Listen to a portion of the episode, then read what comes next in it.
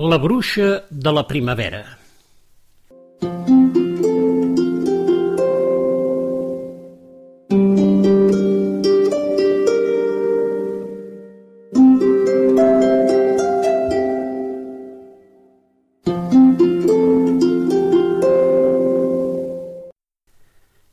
Hi ha bruixes per a tots els gustos. Hi ha bruixes bones i bruixes dolentes. N'hi ha que fan encanteris amb beuratges i d'altres que ho fan amb fórmules i conjurs antiquíssims. Hi ha bruixes de pell llarg, n'hi ha de grosses nàpies, n'hi ha que tan aviat són un gat com una donzella encisadora i n'hi ha... Ui, si n'hi ha! Però ara us vull parlar de quatre bruixes molt especials. Són les bruixes de les estacions. N'hi ha una per l'estiu, una per la tardor, una per l'hivern i una per la primavera. De primer, però, cal saber com van esdevenir bruixes, i això és el que ara us explicaré. Fa molt i molt de temps, quan encara no hi havia bruixes, les fades de tot l'univers es reunien un cop a l'any al cim de la muntanya blanca. En una d'aquelles reunions va passar que un grup de fades decidiren campar-la al seu aire i no seguir les lleis que per a elles els imposava la gran fada blanca. Ningú no els va impedir que marxessin, però, pel fet de renegar de la seva condició de fada, van perdre el do de volar per elles mateixes i es van haver de conformar a volar amb l'ajut d'un pal d'atzavara. El pas del temps va fer que aquest pal esdevingués la més que coneguda escombra voladora. A més, perderen també el privilegi de dir-se fades i les anomenaren bruixes.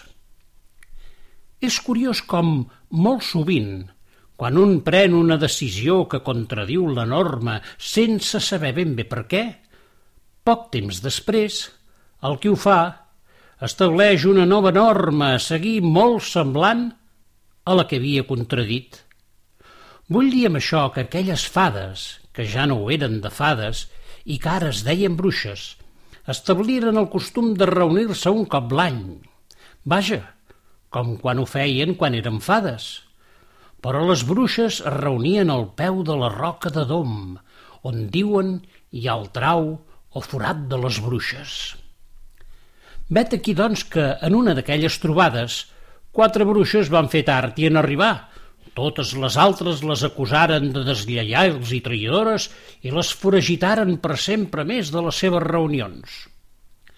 Orfes de companya, les quatre bruixes decidiren fer el camí plegades i cercar una feina que s'adigués als seus poders. Però ningú no volia donar feina a quatre bruixes desterrades, així és que, a la fi, decidiren separar-se i cercar la seva sort per camins diferents. Com haureu endevinat, aquestes quatre bruixes amb el temps van esdevenir les bruixes de les estacions i de cada una d'elles se'n sap la història. Jo només sé la de la bruixa de la primavera, que era la més petita de les quatre, i ara us la vull contar. Aquella petita bruixa, un cop separada de les altres companyes, va decidir endinsar-se a la terra dels humans, tot i que sabia dels perills que això suposava, perquè els humans mai han tingut bona relació amb les bruixes. Això sí, per a fer-ho, va adoptar l'aparença d'un noi treballador i eixerit, orfe de pare i mare, disposat a fer les feines més humils. I es pot dir que va fer fortuna perquè el primer lloc on va entrar a treballar va ser als jardins d'un vell i sumptuós palau com ajudant del jardiner reial. El jardiner reial era un vell ancià de cabells blancs i barba serrada que de seguida es va donar de les bones maneres que tenia aquell noiet de pell blanca i ulls negres espornejants amb les flors i la cura amb el jardí. És per això que va decidir tenir-lo sota la seva protecció talment com si fos el seu propi net i li va ensenyar tot el que havia de saber sobre les plantes i els seus secrets. Van passar els anys i el vell jardiner anava perdent forces i delegava cada cop més les seves funcions al bailet. Però una cosa l'estranyava. Per més que passés el temps, aquell noiet no creixia i la seva fesomia seguia tan fresca com el primer dia que va entrar per la porta. Quin era el secret que guardava el seu etern i jove ajudant? Calia esbrinar-ho i a partir d'aquell dia decidir observar-lo atentament. Amb la paciència d'un bon vigilant dalt de la gàbia d'un vaixell, va comprovar que cada vesprada, en acabar la feina, el seu pupil s'endinsava al bosc d'alzines dels jardins reials i en una petita clariana es treia un bocí d'escorça que sempre duia penjat al coll. El deixava damunt la fullaraca i pronunciava uns mots inintel·ligibles. De sobte, aquell bocí d'escorça es transformava en una gran alzina amb una cavitat per on el noi s'endinsava escales avall. Amb prou dificultats perquè les seves cames ja no li responien com abans, l'ancià jardiner va ficar-se per aquell cau fins a arribar a una cambra de grans dimensions. I quina va ser la seva sorpresa en veure que el jove jardiner es desempallegava dels seus vestits i esdevenia una bonica donzella de cabells llargs i negres que amb molta cura i dedicació es posava a endreçar un munt d'ampolletes que eren disposades en les innombrables lleixes d'aquella cambra il·luminada pel ble d'un llantiol. Aviat la bruixa va donar-se de la presència del vell jardiner i si no hagués estat per l'amor amb què aquest l'havia acollit i ensenyat l'ofici, a ben segur l'hauria embruixat de per vida. Lluny d'això, però, el va convidar a seure i li va explicar tota la seva història. Ara que ja sé el teu secret, què penses fer? va dir l'ancià. Jo sóc vell i poc profit en trauria de revelar-lo i t'aprecio massa per a fer-te cap mal. Per altra banda, i quan jo em mori, tu pots seguir la meva feina i tenir un lloc assegurat a Palau. Això no és possible, estimat jardiner. Fins ara pocs són els que saben de la meva presència al palau, perquè sempre he treballat a la teva ombra. Però tan bon punt em veurien i comprovessin que per a mi els anys no passen com per a vosaltres, tindrien la mateixa curiositat que tu has tingut i el meu secret acabaria revelant-se. No, amic meu, el que em cal és marxar. I on aniràs? De jardins n'hi ha per tot el món, i ara aquí i ara allà sempre trobaré feina com a jardiner.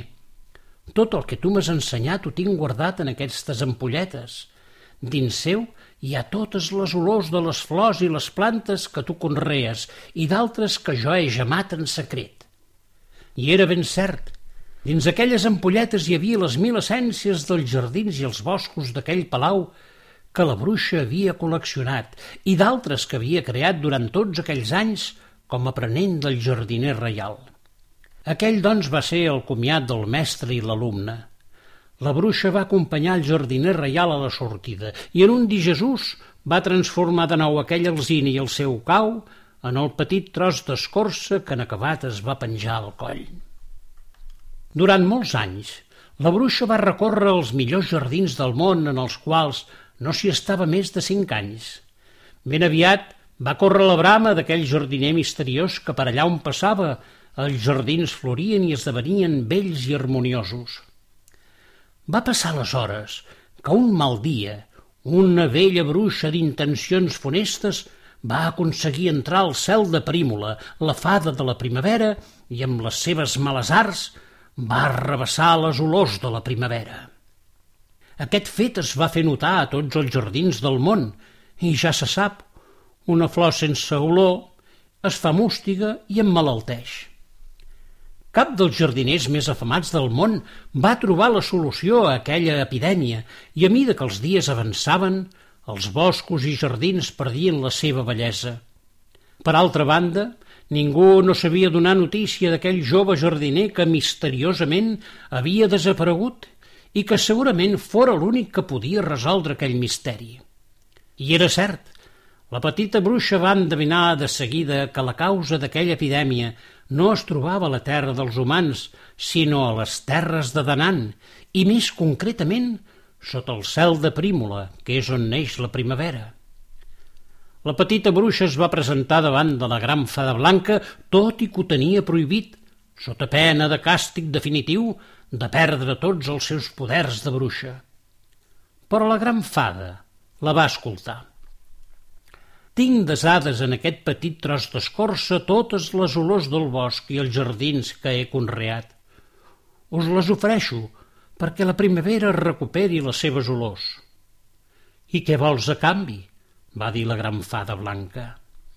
Res de res, el temps i la feina de jardiner m'ha ensenyat que mai no he de demanar res a canvi. Les flors ens donen generosament les seves olors sense esperar-ne res. Com puc jo demanar res a canvi de tornar-los i les seves olors?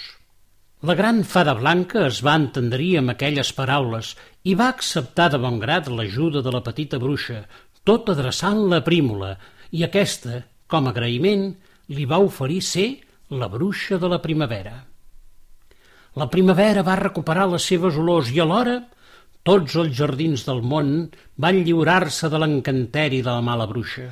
Però, a més, la primavera va guanyar una bruixa protectora que és la que, segons diuen, hi ha al darrere de cada nova flor que la primavera inventa.